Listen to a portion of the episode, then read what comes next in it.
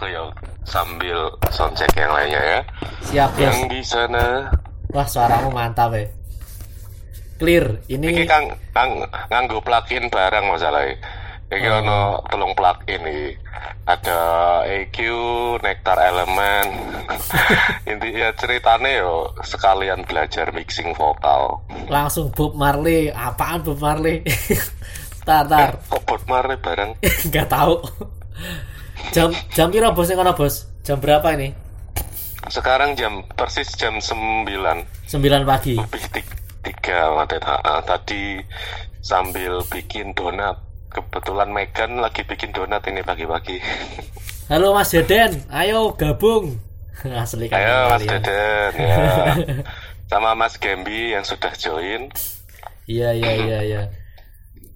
Baru bangun ya? Tadi baru masak katanya ya. Iya tadi masak-masak dulu. Maklum lah ya hari Minggu sebuah ritus Minggu itu harus dirayakan dengan berbagai cara. Salah satunya juga memasak. Sebenarnya yang masak itu Megan yang bikin donatnya. Tapi sekarang sudah bisa keluar-keluar rumah atau masih ketat sih kalau di sana? Kayaknya Amerika Kalau- banyak yang ngawur-ngawuran. Banyak yang koplak juga di sini, tapi juga khususnya kalau di Bay Area ya.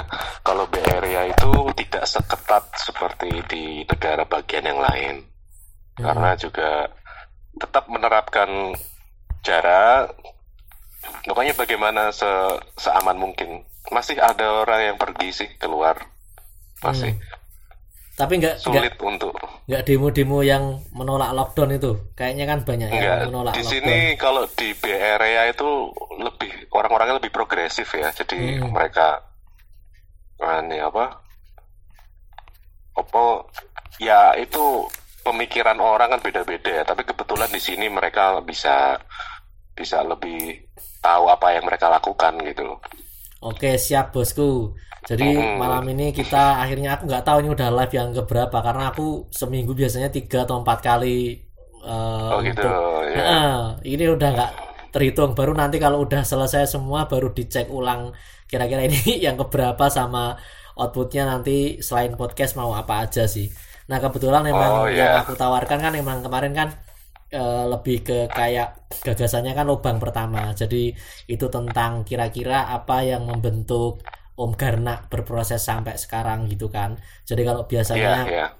biasanya kalau orang ngo- eh, apa tuh yang latar belakangi orang menjadi yang seperti sekarang itu kan banyak tapi kalau yang Hmm. rasional-rasional itu kan kayak misalnya demi kebaikan perserikatan bangsa segala macam itu kan yang lebih rasional gitu kan tapi maksudku yang lebih Iya. personal yang lebih impulsif yang pengalaman-pengalaman personal karena kan aku juga Ah. cari apa ya konten yang kira-kira tidak tidak melulu yang yang apa yang serius yang rasional yang apa tapi juga hal-hal yang mungkin selama ini nggak banyak orang tahu seputar kehidupan Om Garna di Semarang. Oh, sebelumnya gitu. mungkin teman-teman yang belum kenal, kenal Om Garna kalau di Ringku kan mungkin sebagian juga kenal tapi mungkin ada yang belum. Ini eh, personel band AK47 terus sekarang tinggal di Oakland di eh, California Selatan ya itu ya Eh, Iya. terus eh, dulu proses panjang kita saling mengintip dan mengamati dan barangkali yang membaptis histeria jadi zin itu adalah Om Garna karena tahun 2007 aku masih ingat betul waktu itu itu di SMK berapa ya yang kamu nawarin aku Din yuk pam ini bu- buka lapangan zin gitu kan Iya. Ingat ya? Nah, aku masih nggak ngeh tuh karena dulu kan masih termnya masih selebaran meskipun modusnya sama dan spiritnya sama tapi eh, ternyata Iya. ada teman-teman lain di di skena HC Pang misalnya atau di skena-skena yang lain juga memproduksi hal yang serupa gitu kan. Nah, ini inilah orangnya. kalau kayak- kayaknya nggak kalau misalnya di subkultur Semarang aku pikir Om Garna pengaruhnya sangat kuat. Nah, kita kembali ke pertanyaan awal. Kira-kira kita mau dapat cerita nih dulu kan dulu kan sempat Ya. di Depok ya masa kecilnya ya. Iya nggak sih? Aku tuh masa kecilku di Semarang. Masa kecilku di Semarang, terus uh, pindah ke Surabaya, SMP, terus SMA di Depok selama tiga tahun, terus balik ke Semarang lagi waktu kuliah di Undip. Oh, jadi iya, iya. saya sempat berpindah-pindah gitu dan kebetulan uh, jadi uh, bahasa saya juga campur-campur kadang-kadang bahasa Surabaya, bahasa Semarangan, ya gitu akhirnya. Tapi selama proses pindah-pindah itu apa yang menarik sih? Karena kan itu kan pasti dianggap newbie, anak baru, terus artinya Iya. selalu belajar hal-hal yang baru, tapi juga kadang-kadang mungkin ada ada kegagapan untuk adaptasi atau Oh, oke. Saya ingat waktu itu SMA itu mulai udah mikir SMA itu dulu saya nongkrong ya dulu sama anak-anak Afra. Afra itu antifasis and racist action. Iya, itu kalau sekarang itu uh, taring babi yang dikelola oleh marginal. iya iya. Nah, dulu itu namanya Afra. Nah, saya waktu SMA dulu itu sering apa ikut aksi juga mereka cabut sekolah ikut aksi pada saat itu kan era 99 98 99 ya. Mas masih seragam kaos apa masih seragam terus kita ganti baju supaya kelihatan seperti anak mahasiswa gitu. Oh, Oke. cabut untuk aksi waktu itu cendana dua. Eh, terus kemudian 2001 saya balik lagi ke Semarang untuk kuliah. Akhirnya ya udah saya di Semarang itu ketemu kesit terus eh, ternyata yang pada saat itu kita memiliki kesamaan dalam musik juga. Oh suka musik ini terus bikin zin. Kebetulan dia kan bikin zin suara hati ya waktu itu ya. Itu berupa newsletter sebenarnya. Ya bisa dibilang zin ya. Mungkin lebih tepatnya zin yang cuman empat halaman. Terus kemudian eh, saya waktu SMA itu udah pengen banget bikin zin. Karena saya baca buku di di di sekrenya Afra itu kan banyak zin dari berbagai Hmm. Nusantara itu mulai dari yang fotokopian dari luar negeri dan sebagainya. Kemudian akhirnya benar-benar mulai menulisin nulisinnya ya masih sekedar eh, info Semarang ini seperti apa pembangun jejaring melalui apa waktu itu ya masih email ya jadi kita Hmm.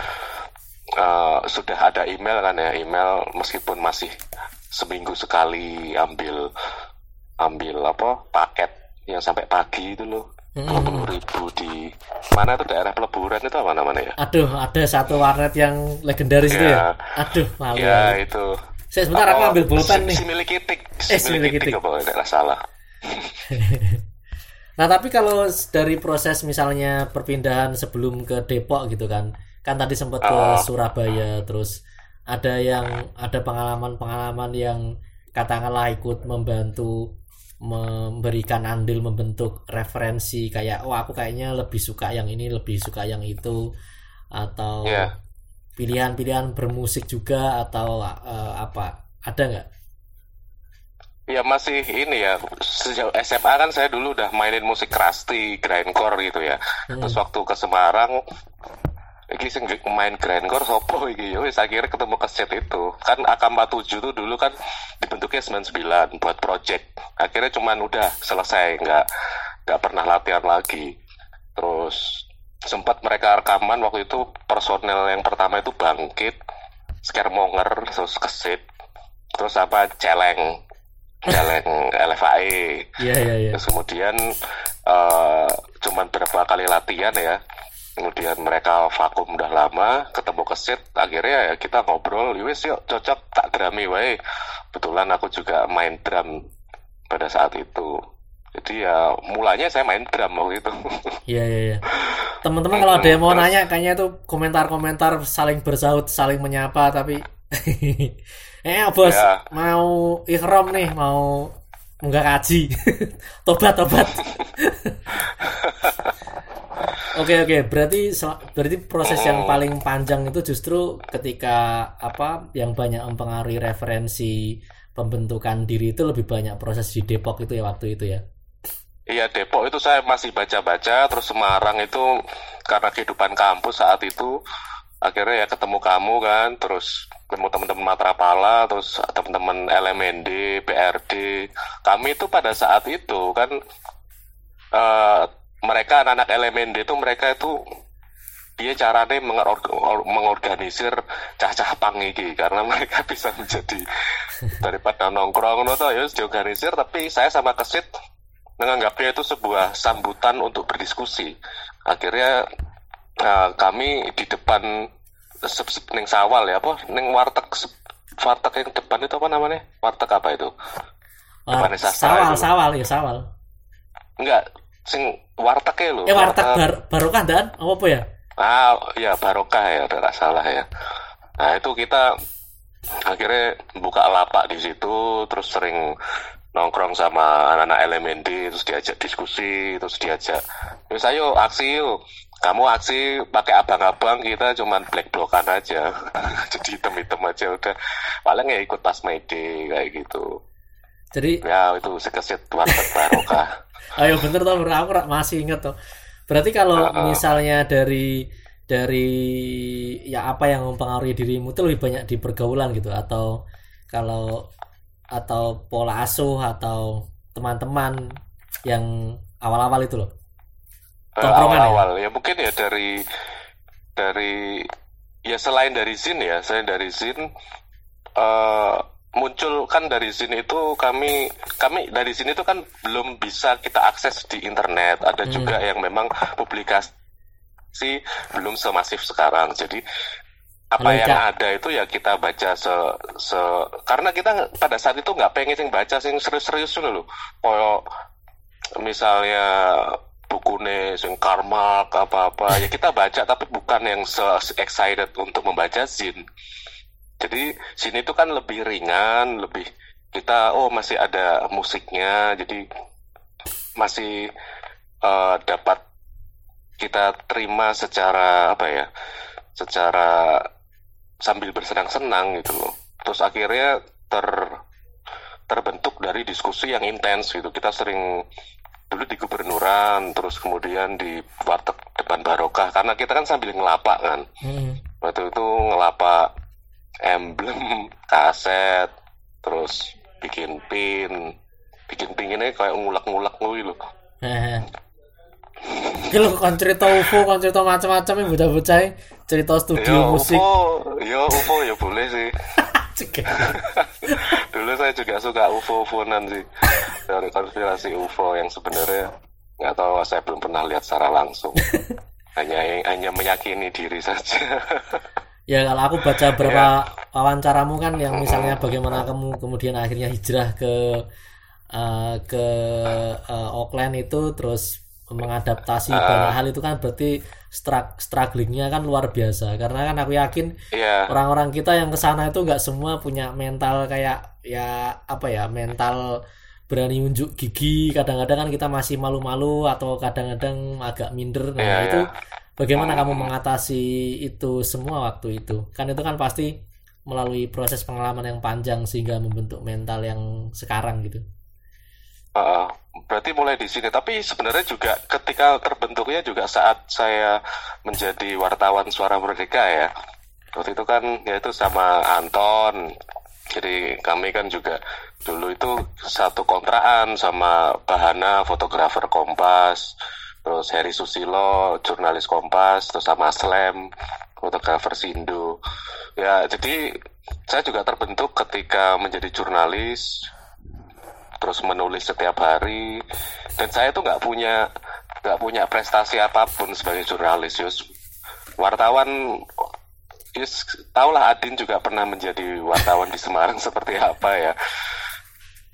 Ya kan karena di situ sebagai wartawan kan ya kebutuhan nutrisinya kan terus membaca terus kan membaca terus eh, mempelajari eh, terminologi yang sekiranya kita nggak tahu kemudian ya saking terus menulis terus hingga sampai sekarang akhirnya eh, saya mengalih media yang dari semula cetak ke video. Akhirnya lebih seneng eh, apa merasa enjoy untuk membuat dokumenter pendek yang di mana masih di eh, pada gerbong jurnalistik. Meskipun ya ini lebih ke sosial media oriented gitu loh ya ya ya ya ya.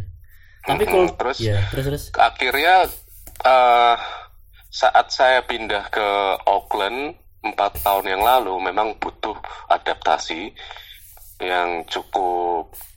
Adaptasinya itu lebih kepada bagaimana hidup di sini dengan bisa berkomunikasi dengan lancar, kemudian mencari pekerjaan uh, survival job ya.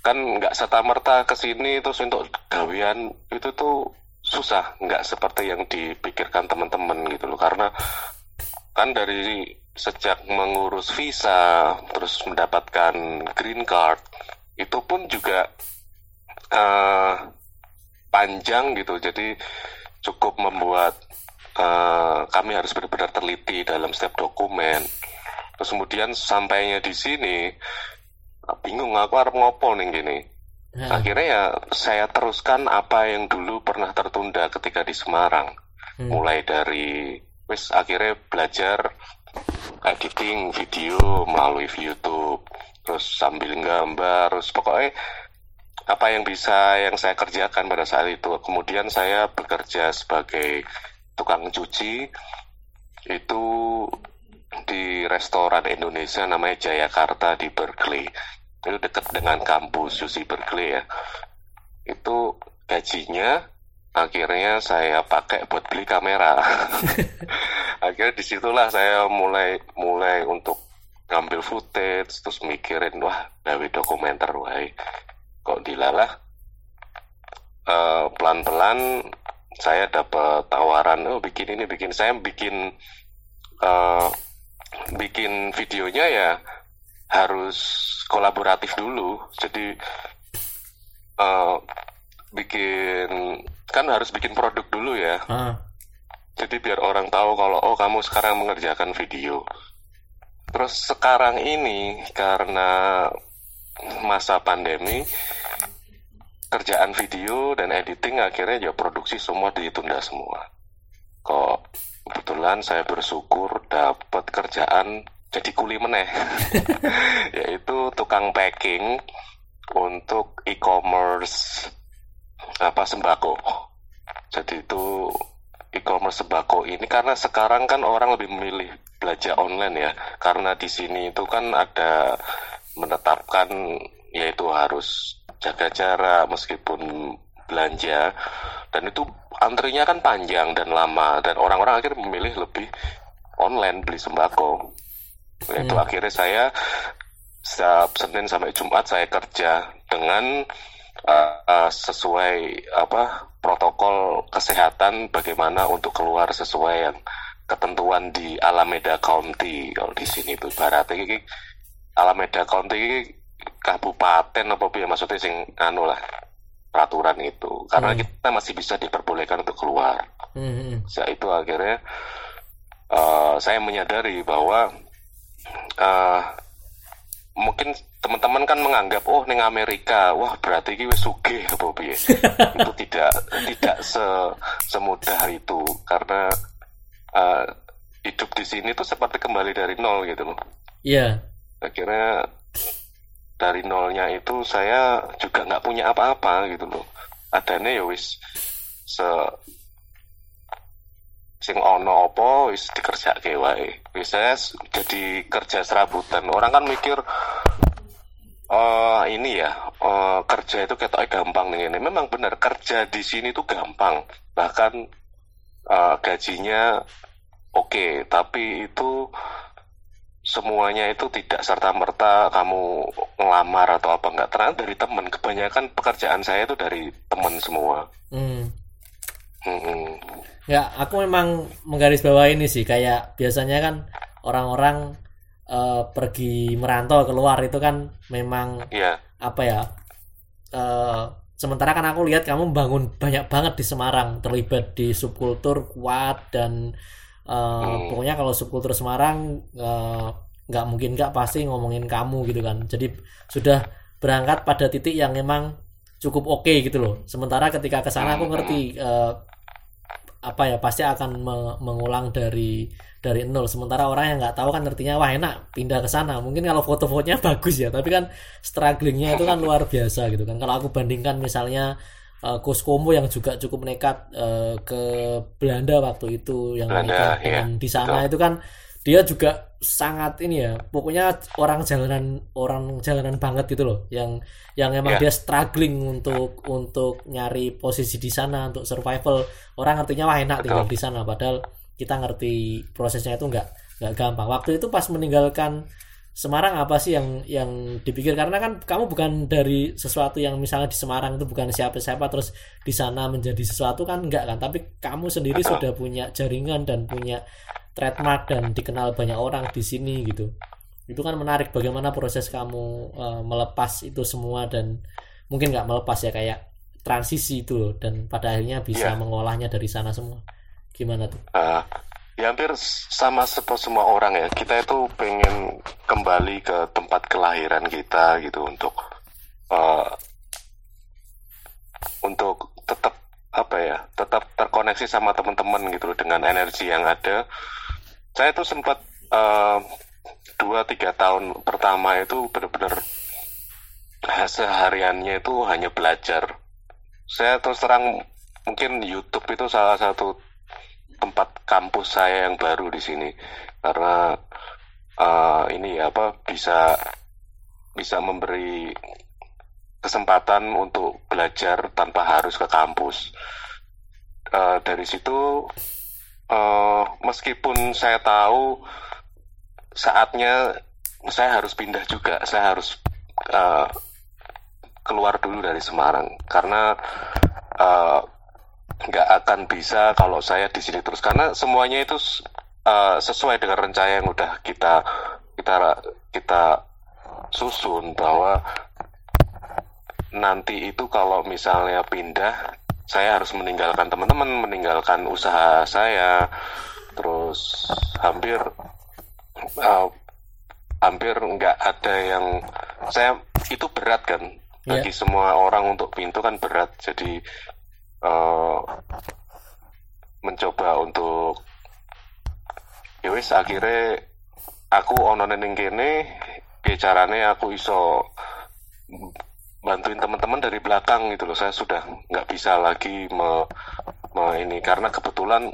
ada Afri terus ada Pipeng mungkin ada teman-teman yang lain yang akhirnya bisa uh, tetap aktif karena kekhawatiran kita semua kan ketika kita meninggalkan sesuatu ada masih ada yang mereka masih aktif dan mereka bisa membantu teman-teman yang lain gitu.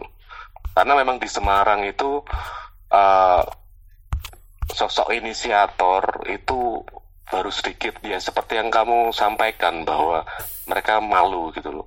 Akhirnya dengan kondisi saya di sini saya merasa ya wis aku ya nengkene wong wong ya orang kenal aku wis saat saya bertemu dengan orang bahasa basisnya itu sudah saya singkirkan. Bahasa basisnya adalah mak maksudnya begini saya kenal dengan orang berkenalan saya ceritakan uh, saya dengarkan dulu apa yang uh, dia omongkan kemudian saya perkenalkan saya sebagai apa. Jelas ngono kowe iki ngopo to ning kene skillmu apa dan kemampuanmu apa. Akhirnya itu terbentuk sebuah jejaring yang oh si karena ini bikin ini bikin ini kan setiap perkenalan saya tuh pernah waktu itu kemarin di Indonesia waktu pulang ke Indonesia kemarin ya saya ketemu teman lama hmm. saya tuh beri, merindukan sesuatu apa sih yang karena sudah lama nggak ketemu kita kan ingin uh, menceritakan sesuatu yang yang sedang dia kerjakan kan hmm dan itu sangat menyenangkan untuk didengar tapi hmm. jawabannya itu selalu yes ngene ngene wae yes paling nggak ada tidak itu me, memutus diskusi gitu loh Iya kan, saya iya, tahu yeah, pasti yeah. orang mau melakukan sesuatu kan. Yeah. Akhirnya kebiasaan basa-basi itu akhirnya uh, nggak melempeng. Kalau misalnya saya tahu dia menceritakan uh, sekarang lagi apa. Nanti suatu saat nanti ada orang yang membutuhkan dia, saya akan merekomendasikan dia dong. Iya. Ya kan gitu kan. Iya. Nah itu yang yang saya pelajari di sini orang di sini itu di BR yang mereka uh, menceritakan apa yang dia lakukan secara langsung tanpa harus basa-basi. Dan itu bukan kayak kan orang Indonesia kan kadang-kadang kayak nanti dikira sombong atau nah betul. malu Nanti atau dikira, apa gitu uh, no bluffing atau apa gitu ya itu hambatan Betul. kultural ternyata kalau Iya. dipakai Iya, dengan dengan bahasa Inggris saya yang masih uh, belum begitu lancar yo. Piye carane aku ngomong bahasa sambil menceritakan apa yang kamu lakukan dan ternyata itu cukup efektif akhirnya banyak di antara pekerjaan saya itu dari teman akhirnya Hmm, hmm, hmm. tidak lagi sing jenenge harus apa ngirim CV dan harus kudu interview. Itu sih keba- perbedaannya dari situ. Akhirnya saya mendapatkan kesempatan untuk bisa mengerjakan dan dapat bertahan di sini. Karena saya di sini bisa dibilang adalah orang menengah ke bawah. Kita saya bukan orang yang menengah. Karena di sini itu kan di San Francisco ya ini masih sekitaran uh, Silicon Valley di mana industri teknologi itu barometernya berada di sini gitu. Loh Hmm, sehingga sehingga orang itu tidak terjadi gentrifikasi. Banyak orang baru yang datang di sini kemudian eh, mereka berani untuk eh, tinggal di eh, di taraf hidup yang sangat tinggi. Yang akhirnya cukup membuat dua kali berpikir piye carane bayar sewa rumah di bulan depan?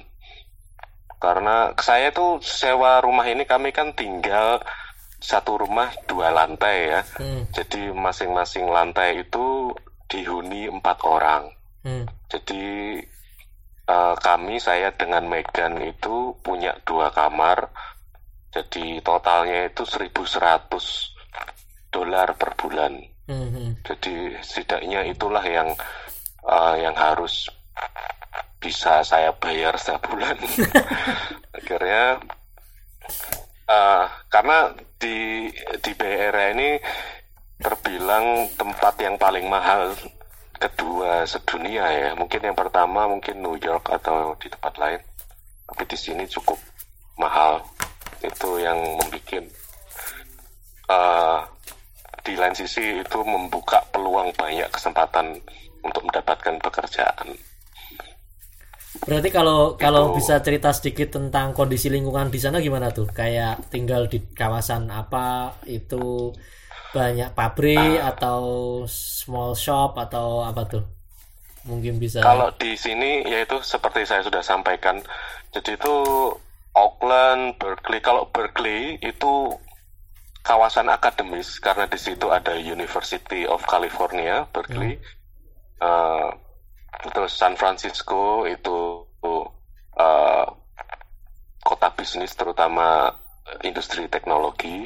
Terus Auckland itu masih eh, Auckland menjadi tempat tinggal orang-orang yang kerja di San Francisco dan sangat plural dan progresif. Auckland itu terbilang cukup progresif di di antara kawasan Bay Area. Progresifnya adalah em, karena di sini itu kan di Auckland itu kan eh, American African itu kan besar juga di sini. Kultur hip hop, terus pergerakan Black Panther itu eh, dengan kentalnya aktivisme di sini membuat orang terus aware dengan isu-isu eh, fasis dan rasisme apalagi di masanya Donald Trump hmm. sehingga orang itu belajar saling apa ya saling apa ya saling me, apa membantu untuk menjaga diri mereka masing-masing. Karena pada saat Trump eh, dipilih terjadi shock selama seminggu di seluruh seluruh Amerika salah satunya di di Auckland orang-orang itu seakan-akan marah tapi bingung ngarep ngopo. Terus Hmm. mereka itu me- merasa bahwa white supremacy ini menjadi menjadi apa ya eh, ancaman bagi orang-orang kulit berwarna. Salah satunya yaitu menjadi orang kulit putih di sini pun menjadi serba salah karena mereka akan selalu menjadi kambing hitam. Begitu juga sama uh, kaum kulit hitam di sini, mereka pun uh, kayak kemarin barusan aja terjadi penembakan di mana ya di daerah, kalau nggak di Michigan atau apa itu saat hmm. mereka sedang lari itu lari pagi atau apa. Hmm. Jadi uh, rasisme itu masih kental di sini, masih ada di mana pun, meskipun di Auckland sekalipun ya. Hmm. Jadi dari situ saya Ika acak ya, sama Eka apa Mbak Ika terima kasih sudah join. Terus sama apa? Uh, akhirnya dengan uh, nuansa aktivisme di Auckland itu keseharian saya pun juga ketemu dengan orang-orang yang berpikiran progresif juga yang cukup membantu kami, membantu saya untuk uh, membentuk uh, sebuah sebuah karakter baru di sini ya. Yang akhirnya saya memang beradaptasi dengan hal-hal seperti itu. Tapi kalau apa apakah isu-isu itu juga sangat mempengaruhi sub, pergerakan subkultur di sana atau ada misalnya ada yang cukup dominan misalnya atau genre musik atau semua punya platform masing-masing yang sama kuatnya atau atau gimana tuh? Uh, hampir sama kuatnya juga hampir sama-sama uh, sama seperti di negara-negara lain menurutku ya hanya karena di sini itu uh, sudah terlebih dahulu dimulai sehingga ya mereka terjadi proses pendewasaan di dalam uh, berkomunitas ataupun berpola pikir sudah turun temurun akhirnya. Sehingga apa ya uh, tadi pertanyaanmu apa lagi lupa aku. Apakah ada semacam kayak subkultur apakah pengaruh dari lingkungan itu termasuk membentuk dalam uh, misalnya subkulturnya itu ada yang ada yang lebih dominan atau enggak atau gimana gitu loh?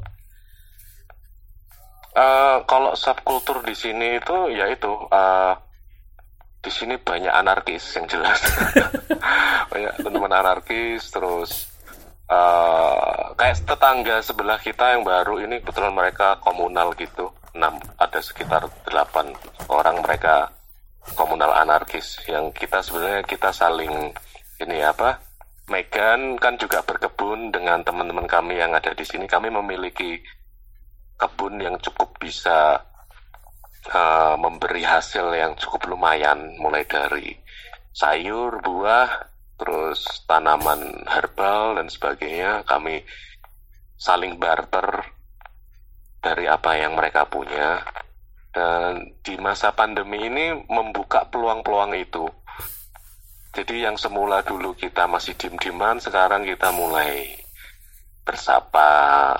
Dalam konteks bersapa itu uh, kita solidaritas itu mulai dari yang paling dekat dulu, dari tetangga.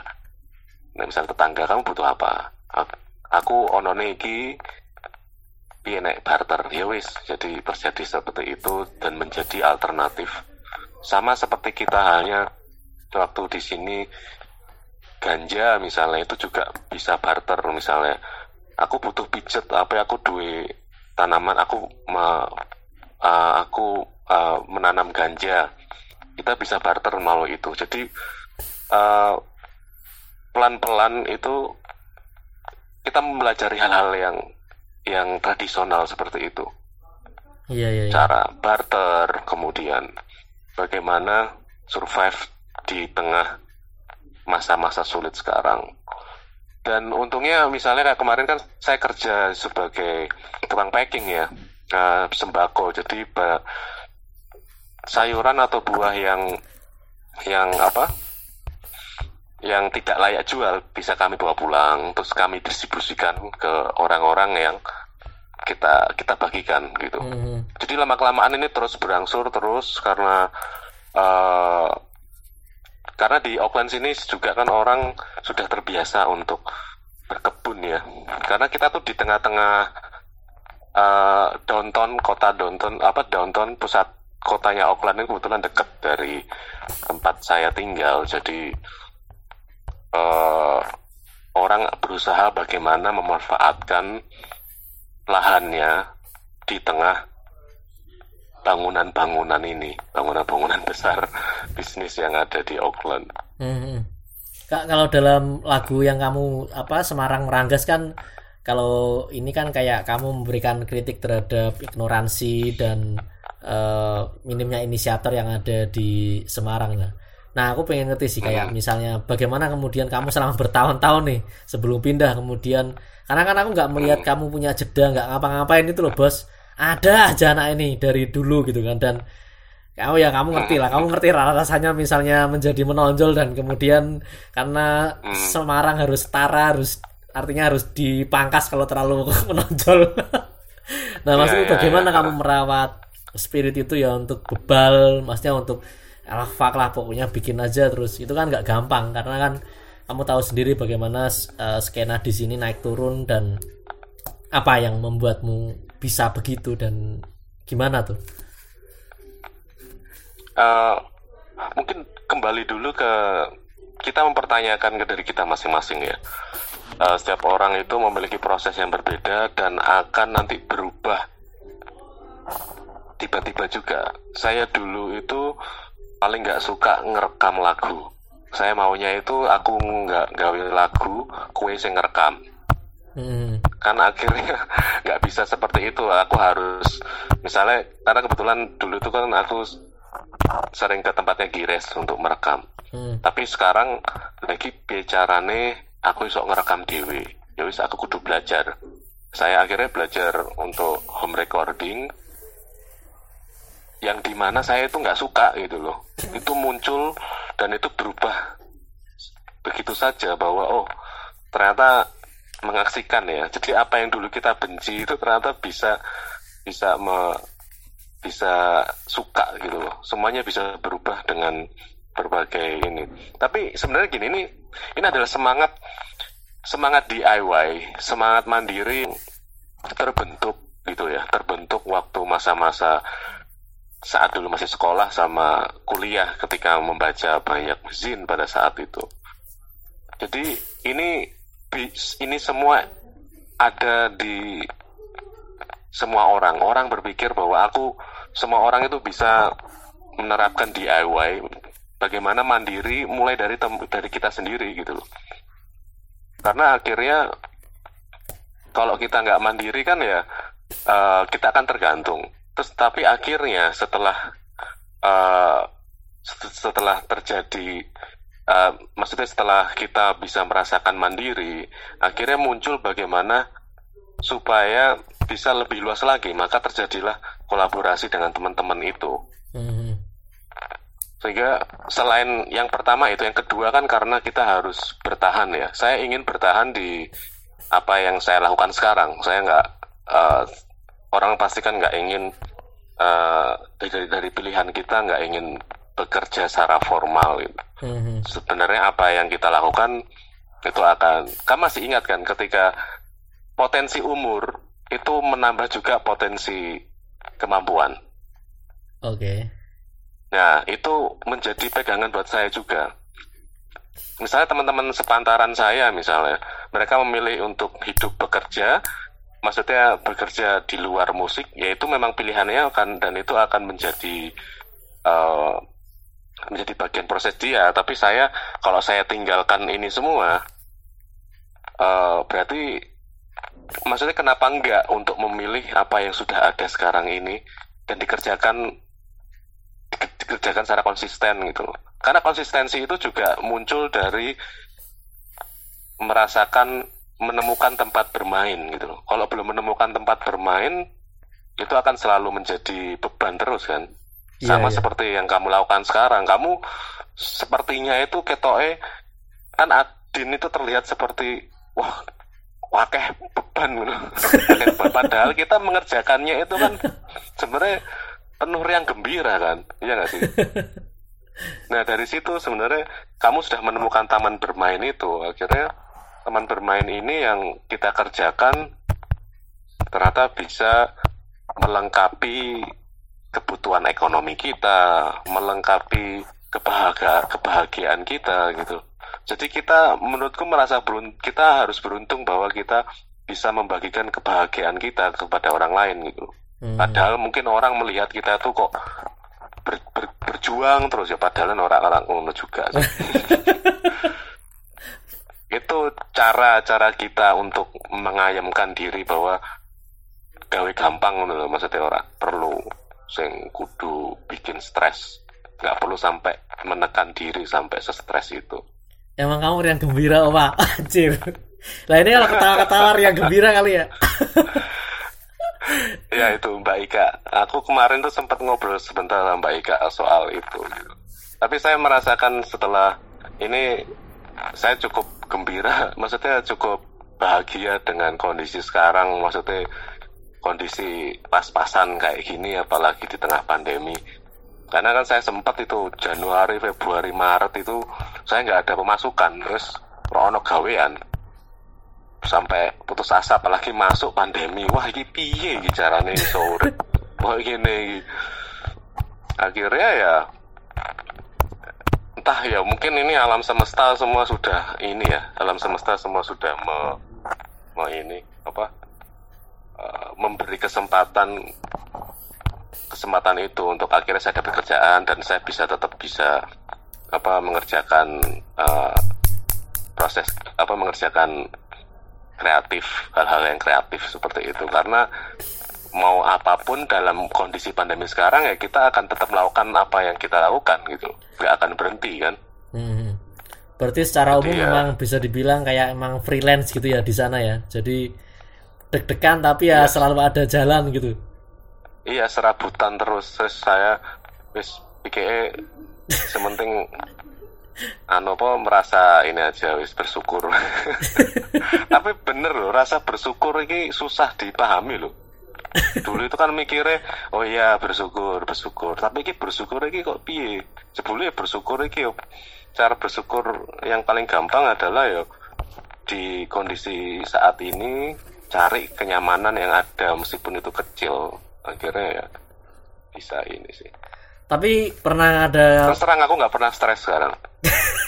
Nah waktu iya. waktu stres banyak itu pas apa? Dan bagaimana kamu mengatasinya misalnya untuk menghadapi tekanan-tekanan akhirnya bisa lolos dari itu dan bisa berdamai atau nggak tahu lah bisa mengalokasikan uh, uh, waktunya waktu yang stres itu untuk lebih produktif atau apa tuh gimana tuh kan sekarang kan ini kan pasti semua orang banyak merasa uh, cemas, anxious atau iya, betul. nggak tahu lah pokoknya ya nah. itu makanya gunakan sosial media itu untuk membangun karakter yang apa ini kan panggung ya sosial media itu ya. Jadi itu panggung ini itu kamu mau tampil apa gitu kalau mau tampil untuk senang-senang ya silahkan mau tampil untuk ini apa memperlihatkan kemampuanmu ya silahkan. Dan saya lebih memilih untuk keduanya itu dijadikan suatu rutinitas yang yang apa ya di tengah kesibukan kita masing-masing. Sehingga uh,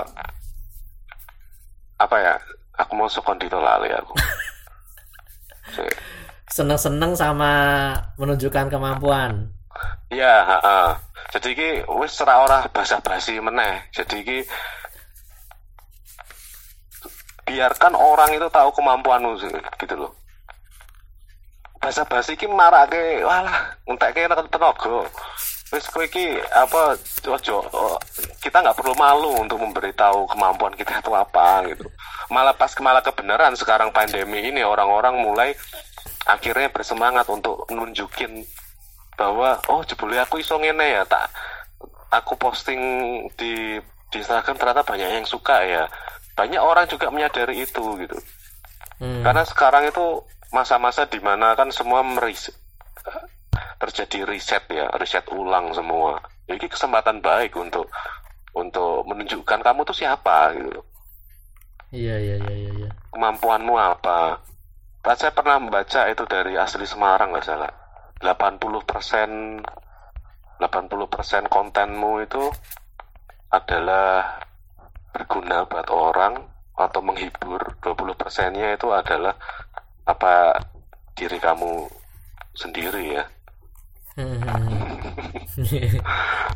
Nah, kalau kalau ini nih kalau uh, AK47 sendiri nih kan kemarin habis uh, ngeluarin album terus ini ada persiapan apa lagi nih kira-kira?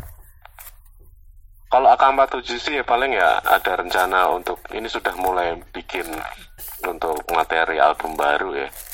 Sambil saya mengerjakan mengerjakan apa memproduksi musik-musik hip hop soul elektronik. Jadi itu yang sekarang saya kerjakan.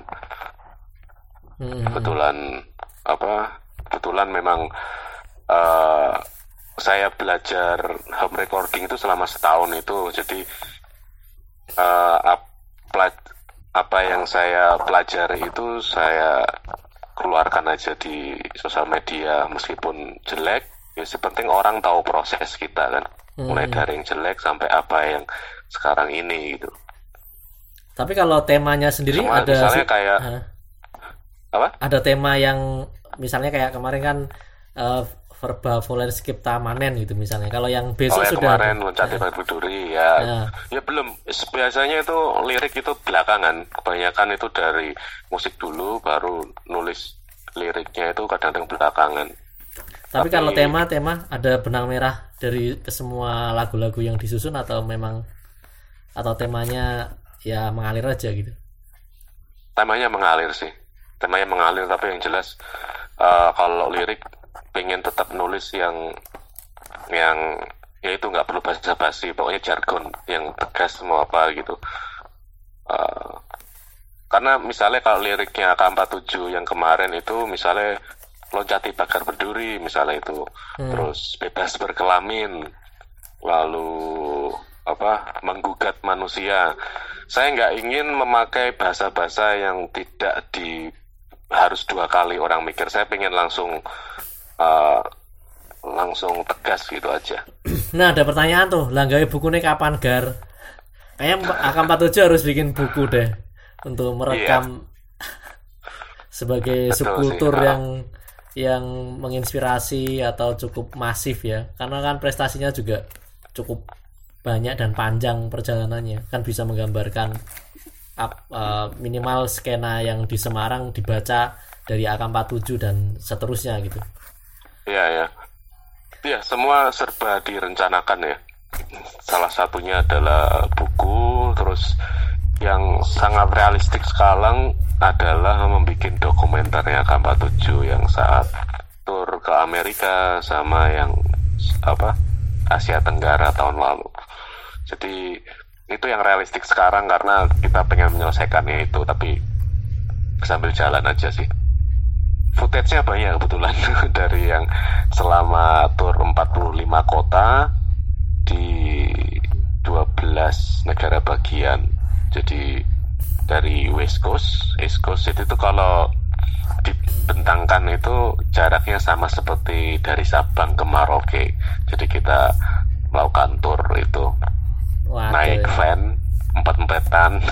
Ngeri ngeri ngeri Spiro jadi itu uh, sebenarnya nggak begitu banyak menghasilkan uang tapi minimal bisa traveling gratis lah.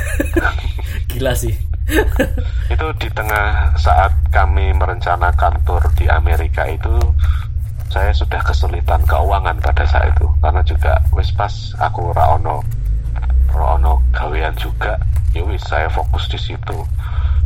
Toh akhirnya ya tetap bingung mas mikir mikirnya dua kali. Karena main tapi saya mikir omah tuh iki yeah, yeah, aku yeah. ora iso duitnya kok samine to kadang-kadang itu per hari kan kita tuh dapat 100 dolar dari share tiket ya.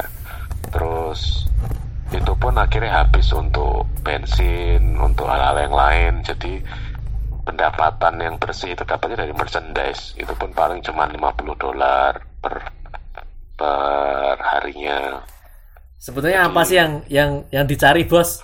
ini kan pertanyaan paling bodoh ini biasanya orang-orang awam nih. Iya, iya. Misalnya untuk usia-usia usia-usia uh, seperti uh, itu kan biasanya kan kayak orang harus settle terus kebahagiaan itu apa nah kamu mungkin bisa punya definisi-definisi apa itu hidup yang harus dijalani pilihan-pilihan dan konsekuensi karena aku yakin gak banyak yang berani mengambil resiko atau mengambil langkah seperti yang kamu ambil sekarang Iya ya, ya misalnya kayak tur Amerika waktu itu, uh, semuanya itu juga uh, saya nyari nyari personel itu juga ada cerita juga sih ya, mungkin hmm. teman-teman ada yang sudah tahu gitu. Jadi cerita itu pun juga panjang karena uh, situasi di sini tuh saya kan juga nggak punya amplifier, hmm. saya punya gitar sama efek, hmm. dan di sini kan uh, tur di Amerika itu kamu harus bawa alat sendiri, membawa mobil van sendiri. Hmm. Jadi karena kan saya akhirnya ketemu dengan temen dengan Demian ini akhirnya kita dia main untuk bandku aku main untuk bandnya dia jadi ada hal-hal yang kita ya, apa ya dimodifikasi lah bicaranya isok melaku terus tur itu hampir semua orang pasti mikir ya maksudnya mumpung gue neng neng Amerika ya nopo ora? Anu ya apa tur sekalian kan? Hmm. itu salah satu cara untuk misalnya kalau nggak tur band kamu nggak akan melakukan perjalanan 45 kota itu selama dua bulan kan? Hmm. itu hal yang gue ngopon mending kan sisan mending wes kayak pengamen wae wis. Pokoknya di situ kan bisa melihat uh, kondisi yang ada seperti apa skena di sana terus uh, bagaimana cara bagaimana melihat orang-orang itu uh, mulai cari tahu band Indonesia karena representasi Indonesia-nya adalah saya kan hanya kebetulan uh. AK47 itu band Indonesia yang kebetulan ada personelnya ada yang dari Amerika jadi mereka ada di antara mereka itu yang oh ada band Indonesia mereka taunya itu. Mereka nggak tahu kalau ini AK47 atau apa. Ada juga yang mereka sudah tahu AK47 ada tahu yang mereka sekedar cuman datang aja. Jadi uh, kembali lagi. Jadi ketika uh, memutuskan itu semua memang ada rasa yang pasti uh, kita menantang diri gitu loh menantang diri dalam konteks kira-kira apa sing sing yang nggak bisa aku lakuin kira-kira saya coba aja gitu hmm. saya juga dulu juga nggak pernah kepikiran untuk tur Amerika semuanya itu serba sesuatu yang yang dinekati hmm. nekat meskipun nekatnya ini dengan perhitungan juga ya bukan lantas nekat konyol ya hmm. jadi uh, nekatnya ini uh, toh juga nanti akan kamu karena saya percaya kenekatan ini nanti berguna untuk saya sendiri hmm. dan nantinya bonusnya adalah saya bisa memberikan sesuatu sama teman-teman ininya hmm. gitu jadi uh, itu yang saya uh, saya pikirkan pada saat itu gitu yeah, yeah. Ya. jadi um, saat selama tinggal di sini saya terdidik menjadi uh, ini piye carane iku kudu iso. Ya akhirnya terbentuk sampai sekarang akhirnya kebawa sampai sekarang wis. Iya iya iya. Termasuk yang main di uh, Gilman Street di Berkeley itu ya? Iya terus sama di Saint Vitus di Brooklyn itu. Waktu itu kan ketemu sama disamperin sama Kolil efek rumah kaca sama uh Ruli Suaka yang kebetulan mereka tinggal di sana ya. Terus saya itu dibawain lumpia salah. Bawain jajanan pasar lah bikinannya mereka. Senang banget tahu jadi itu pada saat tur itu kesenangan itu tuh capeknya itu hilang dari dari dikasih temen kita dikasih ganja dikasih bir atau dikasih tempat tempat tinggal untuk menginap. Jadi hal-hal seperti itu yang membuat uh, kami bisa terhibur. Jadi uh, Iya itu semua mimpi semua orang ya mimpi untuk tur dan ini saya cuman ingin untuk uh, ah mau coba gitu aja dengan kemampuan yang ada. Hmm. Berarti, berarti kalau sekarang kalau dibayangkan apa sih yang katakanlah misalnya mimpi yang belum tercapai atau ambisi yang katakanlah jadi ration D3 atau apa ya alasan lah alasan lah kira-kira kalau misalnya kita aku mau masih bergerak lagi nih karena pengen ada hal yang belum kecapai gitu. Kira-kira apa kalau sekarang nih? Apa ya yang belum kecapai ya? Saya pengen bikin film. Oh ya tadi ya? film film. buku tadi ya? Kenapa? Film buku gitu-gitu ya? Iya, tapi yang jelas film ya bukan film dokumenter ya, film film horor gitu. Bukan yang horor-horor yang anu ya lebih ke. Saya ada keinginan bikin film gitu yang jelas itu. Maksudnya film yang tidak ini ya, nggak yang muluk-muluk. Maksudnya bikin film sendiri aja. Saya pengen sekali itu. Itu yang sekarang pengen dan eh, dan ini apa? bikin scoring untuk film jadi musik scoring untuk film-film tertentu gitu karena kebetulan saya juga sedang belajar sound design belajar apa komposisi itu yang membuat ini mungkin kita bisa coba ya aku tak main ambient kamu baca puisi Iya. Iya mas, boleh. aku juga nggak tahu ini nyambung apa enggak. Tapi ini kayaknya tinggal lima menit. Nanti mungkin biar biar kelar Iya. dulu. ini terus kita nambah, kita ya nambah apa, berapa menit gitu. dulu nanti terus habis itu di sesi berikutnya kita kolaborasi langsung ini ya Yo yo Boleh boleh ya? boleh boleh. Aku lagi nyari nih. Aku Nah. mungkin akan baca yang Iya sambil sambil cari Bargawa. aku juga tak golek apa Sony sih ya kurung ora Kedengeran kok? Oke. kok. kurung ora Kru kru kru. apa sing roti sebae?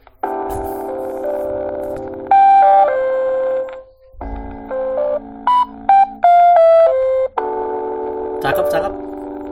eh kurung ora Kru kok. Cakep cakep cakep. Sesi Q&A. Iya nih sesi Q&A ini belum nih, belum ada yang nanya nih sambil kita akan nambah nih Oh, kayaknya iya. nih, nggak apa ya? Biasanya kan satu Oke, jam nih. ini sesi berikutnya nanti kita jamming sambil siapa Adin baca puisi lubang pertamanya sama saya iringi. Setelah itu kita apa Q&A ya. Iya iya boleh. Berarti ini aku Saya juga mau saya juga mau pipis dan ambil kopi lagi. Berarti 5 menit 5 5 atau 10 menit lagi nih kita live lagi nih. lima menit aja. Ya udah. Sebenarnya aku anu sih paling yo dua menit sudah bisa sih. Ya udah ya udah. Aku juga ke toilet nih.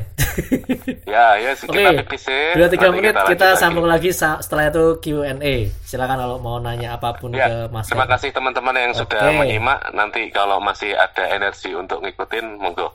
Ya, Nanti ya, ya. kita ada jamming. Oke, oke. Oke, aku akan ngambil puisi yang Banjaran Rama Bargawa. Ini satu kisah Rama Bargawa itu jarang diekspos karena kisahnya Oh, yang gitu. cukup gelap gitu karena dia kan dia kan anti bangsawan dan anti kerajaan gitu kan anarki lah pokoknya lah cocok lah cocok kalau, iya. kalau kisahnya Oke. cocok sih, tak tak golek isone sih coba ya. oh ya santai santai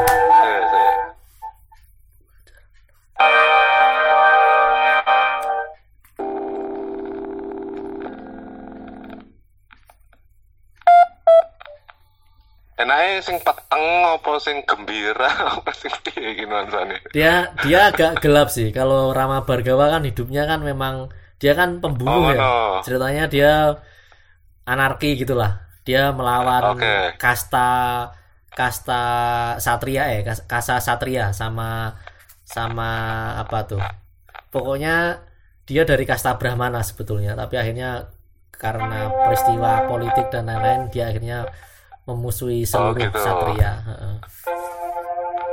Berarti agak peteng ya sih sih. Eh, agak marah-marah atau nggak tahu lah pokoknya dia emang ini memang eh perjalanannya itu kalau Dewa Ruci kan mencari makna hidup gitu kan kalau Betul. Rama Bargawa itu dia mencari kematian yang sempurna kira-kira gitulah Hmm, kamu ada melihat nggak kalau kisah Dewi Ruci itu ada relevansinya terhadap masa sekarang menurutmu?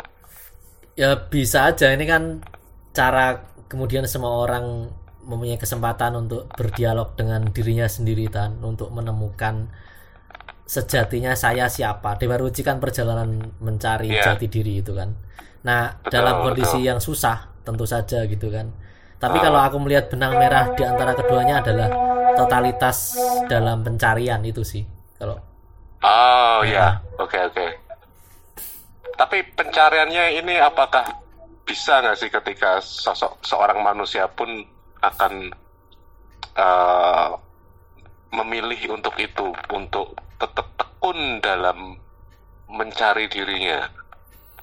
Nah Gitu. itu tadi makanya sebetulnya pertanyaan besarnya kan aku juga pengen ngerti kalau dari kamu sendiri apa sih yang menggerakkan orang untuk terus menerus mencari gitu kan? Karena pertanyaan Iya. pertanyaan di yang aku tawarkan di lubang pertama itu kan sebetulnya kan itu kan sejak kapan kita merasa perlu untuk Iya. mengejar sesuatu atau menambal sesuatu atau apa pun gitu kan? Hmm, Mm-mm. Boleh, Jadi temanya Oke. emang secara Aku umum sudah pencarian. menemukan Sonya. Oke. Eh, ketengah lagi. Kurang Rawapo, Rawapo kan kita kan juga ini kan namanya kolaborasi dan mau lihat-lihat juga. Halo Sony.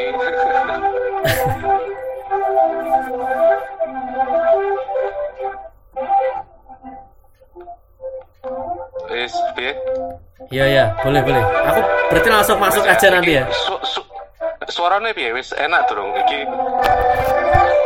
Kono kebanteran apa terlalu Enggak kok. Kurang liut kata Afri itu. lagi wah gliyut iki opo gliyut volumene opo Game. anune saya iki ngombahas volumene saya iki balancing saya iki Piye iki Fri. Aku oke sih, aku oke sih, nggak tahu kalau yang lain. Af, suaranya gimana Af? Mantap, ya. ya, ya. ah oke wes yuk oke kita Berarti aku ya. langsung masuk aja nanti ya.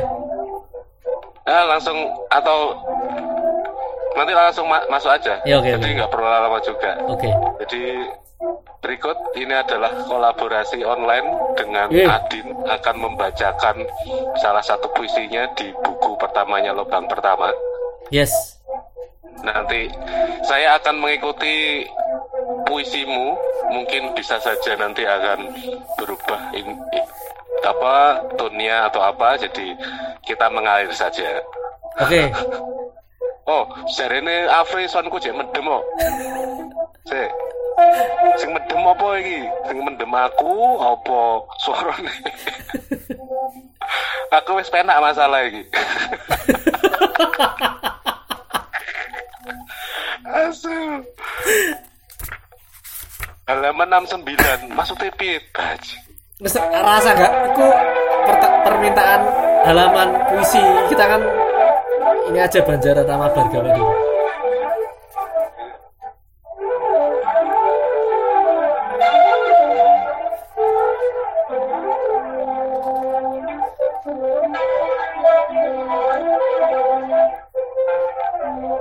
Banjaran Rama Bargawa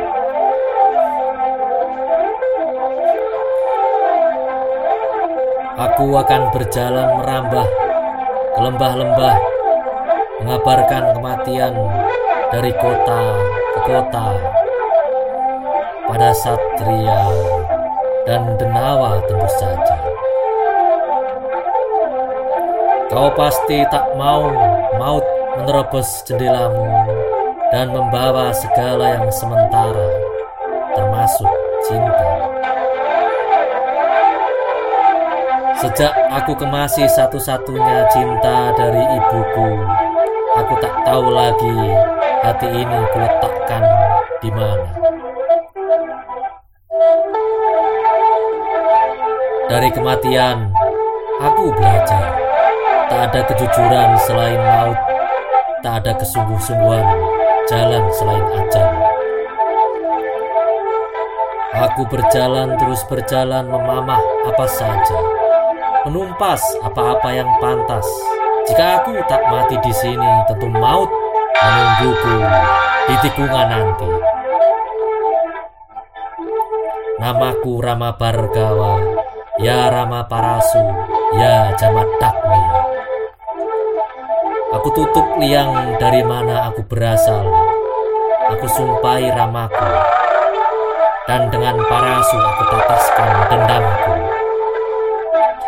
Aku akan berjalan di kegelapan yang menelan rahasia tentang maut yang sempurna. Narada memberi petunjuk sasra baru telah remuk. Tapi maut adalah jarak. Tiap dikejar, ia menjauh. Tiap diabai, ia merajuk jinak-jinak merpati. Hingga akhirnya aku temui lelaki berbudi resi. Ialah titisan Wisnu sendiri, Sri Rama. Telah aku sempurnakan pati. Aku terenang berenang di sini. Kelak, seseorang akan menempuh semacam kesungguhan ini pada saat itulah ia bertemu Dewa Ruci.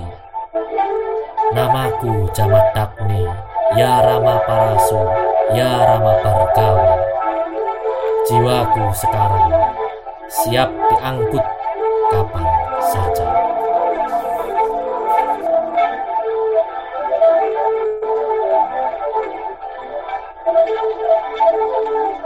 Terima kasih.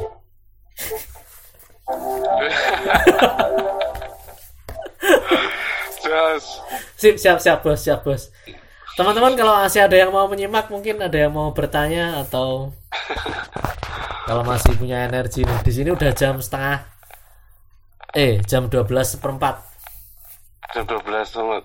Biasanya sekarang kamu aktivitasmu apa di di situasi baru seperti ini? Wah, semua kan sekarang zoom zooman semua ya, zoom meeting lah, Gitu. pertemuan meeting, ajar online. Aku sama sih sebetulnya mau rasanya bosen banget sih, meskipun kayak sebetulnya masih banyak yang belum dikerjakan. Misalnya kayak Istria kan nggak pernah rapi ya dalam pengarsipan atau dalam fundraising sebetulnya. Cuma kan ya malesnya itu loh. Gitu. Tapi sejauh ini sih kemalasanmu itu sudah bagus. Kemalasannya bagus berarti kan nek misalnya rak malas berarti lu sangat meneh tuh. Ya Ra? Iya, bi- termasuk yang bikin-bikin siaran-siaran begini nih karena sebenarnya anak-anak bikin bikin ini sih kayak studio broadcasting kecil di garasi. Terus cuma Ah, karena pengoperasiannya agak rumit kan, pakai harus pakai kamera, terus pakai komputer segala macam, Iya. terus butuh beberapa orang. Terus akhirnya belum belum ini belum belum maksimal. Terus aku sih akhirnya milih kayak apa sih yang masih mungkin dikerjakan dalam kondisi yang paling simple? Ya live live IG begini nih paling simple nih. Ini kayak Iya, kayak iya. zaman eh, apa ya zaman masih layout zin. Kan kamu kan ngerti toh layout layoutanku kan jelek toh. Modalnya cuma korel gitu kan. ya. maksudku Iya. apa ya aku ngerti gitu loh. Aku eh, apa Hmm. ya tapi kan keterbatasan itu akhirnya kalau dalam kasusku yang paling penting justru militansi kan karena aku nggak mungkin aku bisa lebih dari itu tapi kayaknya ada kemalasan yang lain terus akhirnya ya udahlah yang penting bikin terus gitu kan kayak Iya. kayak terakhir aku Tapi kadang Kenapa? kadang memang kemalasan itu harus difasilitasi dan itu yang dibiarkan agar uh, ditunaikan saja kan. Karena kalau tidak tidak akan tuntas akan gen-gendori terus kan. Tapi menurutku sih memang jujur aja aku juga orang yang malas sebenarnya. Loh, tapi Dan kamu ngerjain banyak hal loh akhirnya- lu gila sih aku maksudku kayak kamu ngupdate skillmu itu banyak gitu loh bos aku ya gini-gini aja bos salut aku sama kamu yang masih mau belajar ngulik terus loh Ya tapi kan sama juga konteksnya ketika aku melihat kamu bahwa kamu sangat cermat melihat persoalan gitu loh dan itu bisa uh, persoalan-persoalan itu akhirnya yang malah secara kamu nggak sadari itu kan juga membangun kamu sendiri gitu ya kan? tapi aku yakin sih ya maksudnya uh, kayak misalnya kamu tadi bilang bikin podcast atau apa ya itu juga eh, apa pun sekarang ini adalah me- karena ini riset ulang berarti itu kan kita mempersiapkan yang nantinya ketika iki saatnya gitu loh. Jadi kita sudah siap pada saatnya nanti. Karena mumpung apa ya ya seperti mungkin teman-teman yang sudah sudah apa sudah melihat kondisi hingga saat ini bahwa orang akhirnya beradaptasi akhirnya mikir ke bicarane live streaming kok mulai kanggo lighting audionya di HP atau apa. Ini akan menjadi kebiasaan baru juga bagi kita semua bahkan untuk untuk siapa ya? Untuk siapa pun. Kayak sekarang gini itu kamu pakainya apa untuk untuk podcast itu yang kamu bilang itu? Apa merekam atau apanya ah, ah, nah aku kan pakainya iRig iRig 2 itu. Itu termasuk murah untuk bisa ini masuk ke mixer. Oh belum mah kita mah masih Oh, amatir HP ya. doang mas. Oh, belum. siapa tapi tahu. anak-anak yang aku nggak tahu sih kayak di di komputer Ah. itu mereka punya ada program aku nggak paham kan yang teknis gitu kan ya bedanya kan kalau kamu kan harus melakukannya sendiri kalau di sini kan banyak yang aku nggak ngerti dan dikerjakan yang lain gitu loh dan aku ngerti di sana Hmm. emang kemandirian jadi penting banget kalau di sini anak-anak Ah. ap- apa itu pakai aplikasi inilah itulah yang pelatarnya bisa diubah nanti bisa Iya, ditambahin iya, iya. aku nggak paham sih itu pakainya apa terus Hmm, nanti ya hmm. pinjem eh, yang sound recordingnya si Tri terus jadi kayaknya Oh, gitu, lebih canggih iya, deh iya. cuma aku nggak terlalu ini cuma kan nanti tanya-tanya aku apa kalau misalnya ada yang mau temayakan aku siap bantu nanti. Wah siap. Misalnya settingannya. Aku terus terang waktu aku ini ya ngeset untuk masuk audio supaya masuk ke software supaya bisa aku olah hingga apa apa bisa ambil suara dari sini itu aku juga eh, butuh waktu sebulanan Jadi, sebulanan ini marake anu gitu kayak wah ora iso iso piye ya carane ya wis lah jarke terus coba meneh. Akhirnya karena pasrah wis ah, pasrah lah pasrah pasrah iki tetep dilakoke nah enggak iya iya ah, pasrah. Kok dilalah nemu lho? Nah, gitu loh jadi akhirnya aku nemu akhirnya dapet ternyata itu aku tuh salah melihat tutorial YouTube gitu loh. Hmm. itu juga mempengaruhi karena setiap apa apa setiap konverternya itu beda-beda. Ada yang bisa pakai konverter Kak, punya aku nggak perlu konverter kalau kadang-kadang iPhone pakai konverter dulu untuk bisa masuk ke iRig-nya ini. Iya, kecil iya. kok. iRig-nya itu semenit tok sak korek. Harganya mungkin kalau di Indonesia mungkin 600 700 ribu 700 ribu kayaknya. Iya iya iya iya.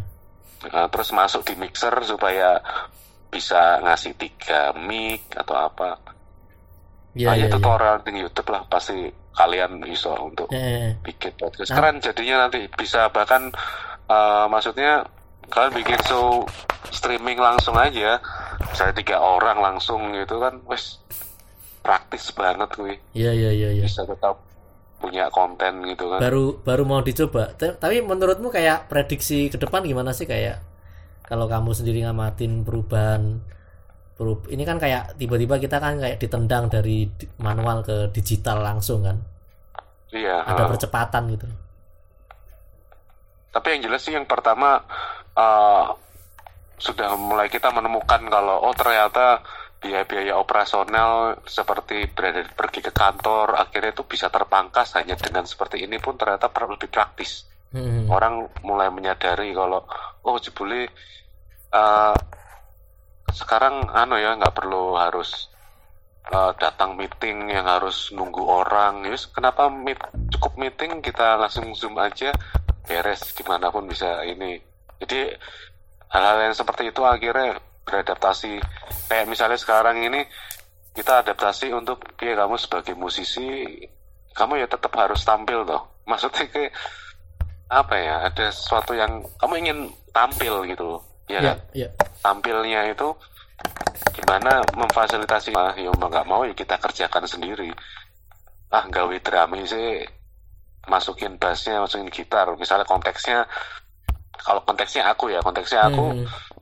wis aku tak belajar piye program ngedrum sih. Terus piye carane ini apa golek isian bass. Akhirnya lama kelamaan eh oh jebule iki bisa dikerjakan ya lebih praktis gitu loh. Iya nah iya. hal yang kecil itu akhirnya ini gitu loh. Ketika kamu bilang wah aku radung aku ngene-ngene itu adalah awal kamu akan masuk di situ. Serius ketika kamu denial kamu akan ternyata akan me, uh, me apa ya menggenggamnya dan kamu akan mengerjakannya teman-teman ada yang mau nanya nggak sih? Ini kita mau nambah 15 menit lagi kali ya? Eh, eh. biasanya satu jam kan? Ini satu jam setengah boleh lah. Tapi kesit kalau kesit kamu kesit. pribadi kamu pribadi sendiri apa yang kamu lakukan sekarang ini? Bukan sebagai organisasi ya? Aduh aku apa ya aku sih ya karena mengajar ya menga- mengajar itu kan butuh asupan Mengajar materi di mana? mengajar di undip kan. Aku kan ngajar antropologi. Ah, dan oh ya aku itu kan setiap hari, hari apa besok bos. per- besok. Oh gitu. Oke. Senin Setiap sama minggu berapa kali? Senin Selasa sama Kamis. Hmm, oke. Nah, mengajar itu kan dituntut untuk mengerti materi yang akan diajarkan kan. Dan aku kayak ya membaca itu kayak jadi pekerjaan sekarang. Itu aja dulu aku udah kepontal-pontal kadang-kadang karena kan Iya, aku iya. ngajarnya kan teori ya. Dan aku ngerti teori itu kan gak gampang kan. Karena kan sebagian Iya, besar juga filsafat kan itu kan. Jadi ya Hmm. wah itu aku aja terengah-engah untuk untuk itu. Sisanya terus eh, rekreasimu apa Wah, nah itu bos. Nggak tahu bos. Ya, begini nih rekreasi buatku bos. Oh, Begini ini rekreasi rekreasi. karena ini ngecas, Oke. ini ngecas semangat kan, ngecas kayak masih punya temen yang bisa diajak ngobrol buatku itu penting banget sih. eh, Ya. untuk sekarang. Jadi meskipun orang mungkin nggak ngerti kayak lu ngapain sih bikin live IG live IG yang gitu-gitu gitu. Aku tapi buatku secara psikologis menurutku sangat sangat membantuku untuk mengatasi masa-masa yang kadang-kadang bikin frustasi ini. Ada perasaan gak ikhlas Hmm. kalau gak bisa jadi apa nih? Gak bisa jadi kudu dicoba sampai bisa. Oh iya ya. Afri komentar aku kan nanya. Iya iya iya.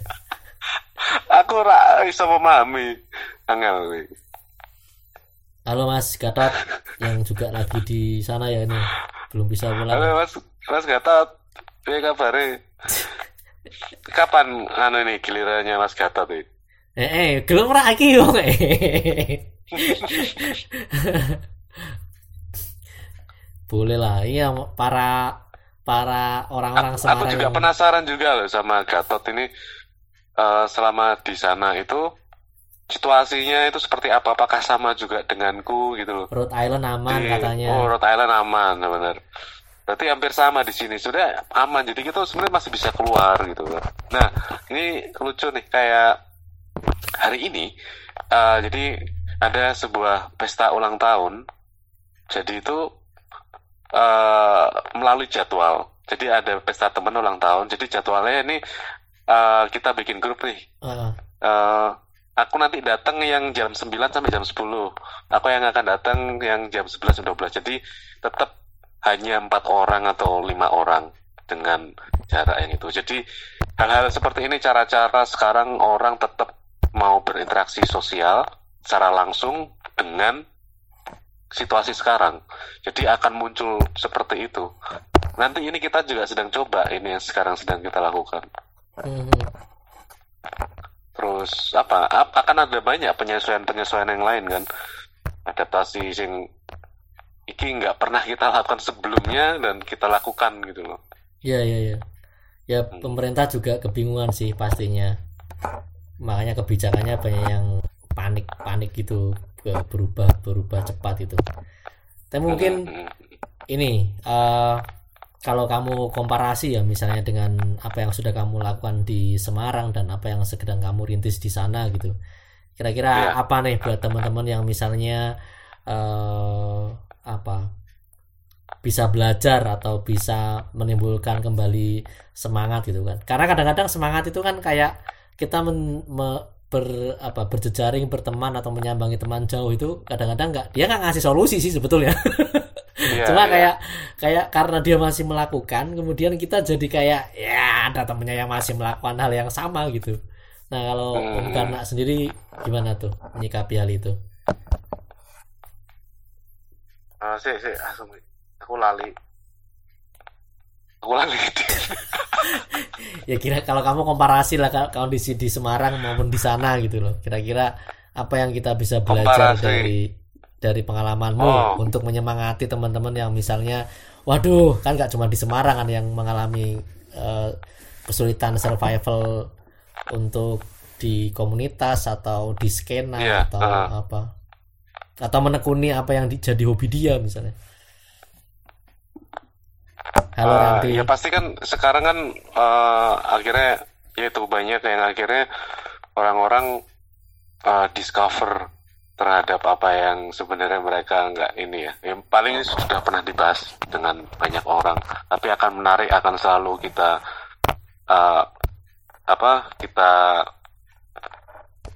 trigger lagi. Karena memang eh, orang itu kita kan kadang malu untuk mengakui bahwa kita memiliki kemampuan ini gitu loh. Hmm. Terus kadang kita malu untuk uh, menerima apa ya, menerima kayak misalnya ini Din, aku ki asine lagi geliang. Cacok.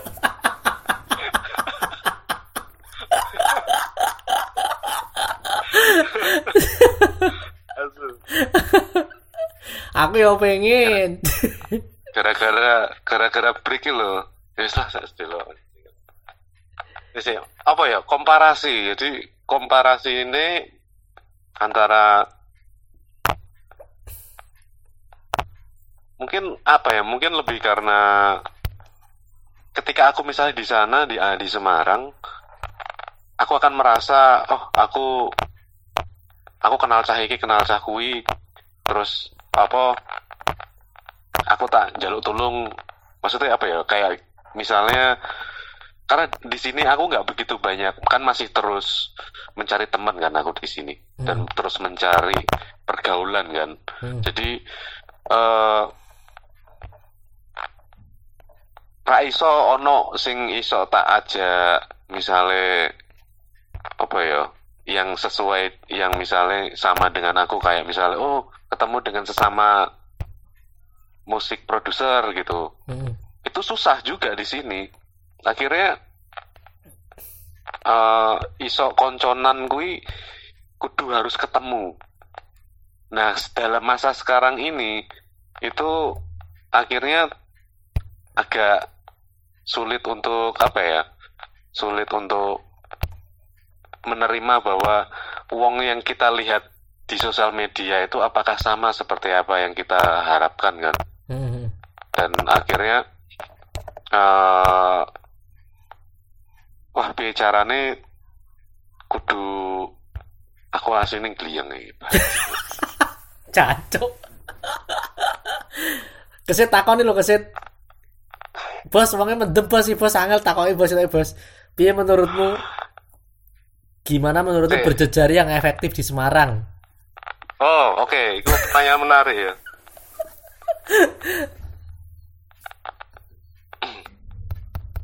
Kudu apa ya? Ah, tapi ya aku ya rak mudeng. Efektif sing Semarang. Tapi betul aku selama selama di sini selama di sini tuh aku akhirnya bisa ngelihat gitu ya. Maksudnya bisa ngelihat iki Semarang ya aslinya kayak piye toh karena kan aku nggak ada di situ cuma ngelihat secara samar-samar kan sehingga ah, bisa jadi mungkin kudu ono sing bocah mus garape musike A kudu berbaur karo musik B. Ngono loh jadi fusion itu yang sebenarnya fusionnya itu yang akhirnya itu sebenarnya akan yang kamu sebut efektif tadi itu menurut kesit Hmm. jadi sejak. ya iya kuwi jawabannya sih sing iso tak yang aku bisa provide tapi kesit dengan tongkot tempat warungnya itu bisa menjadi memang melting pot yang yang apa yang jadi masih ada saluran informasi itu terus bergulir di situ gitu loh yang di mana uh, kita membutuhkan tempat nongkrong kan. Nah, tempat nongkrong yang efektif sekarang gimana menurutmu? Malah aku ditakoni sih, ah. kamu ditakoni lo sih.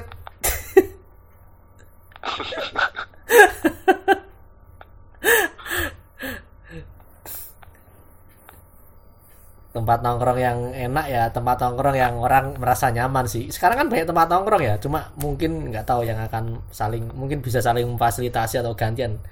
Ya masih ny sama sih masih nyari. Oh iya Semarang mau mau bikin ini katanya mau bikin Semarang Creative Hub itu dari kementerian. Tahun depan katanya mau dibikin. Uh. Uh, jadi sekarang banyak diajak rapat. Teman-teman juga sering diundang untuk rapat untuk membicarakan uh, Semarang Creative Hub itu mau dikonstruk seperti apa gitu. Hmm, iya, iya, iya. Aku sih kalau kemarin dari sejak awal membantu mengawal untuk memastikan bahwa tempat itu minimal uh, komunitas dilibatkan di dalam proses pengelolaan supaya tidak mismanagement seperti okay. yang sudah-sudah. Cuma porsinya kayak hmm. apa kita nggak tahu karena kan oh, gitu. kelembagaan ya. segala macam itu belum belum di nggak tahu aku ada skemanya atau uh. enggak gitu kan. Karena kalau kalau misalnya TBRS kan dia uh, haknya kan UPTD.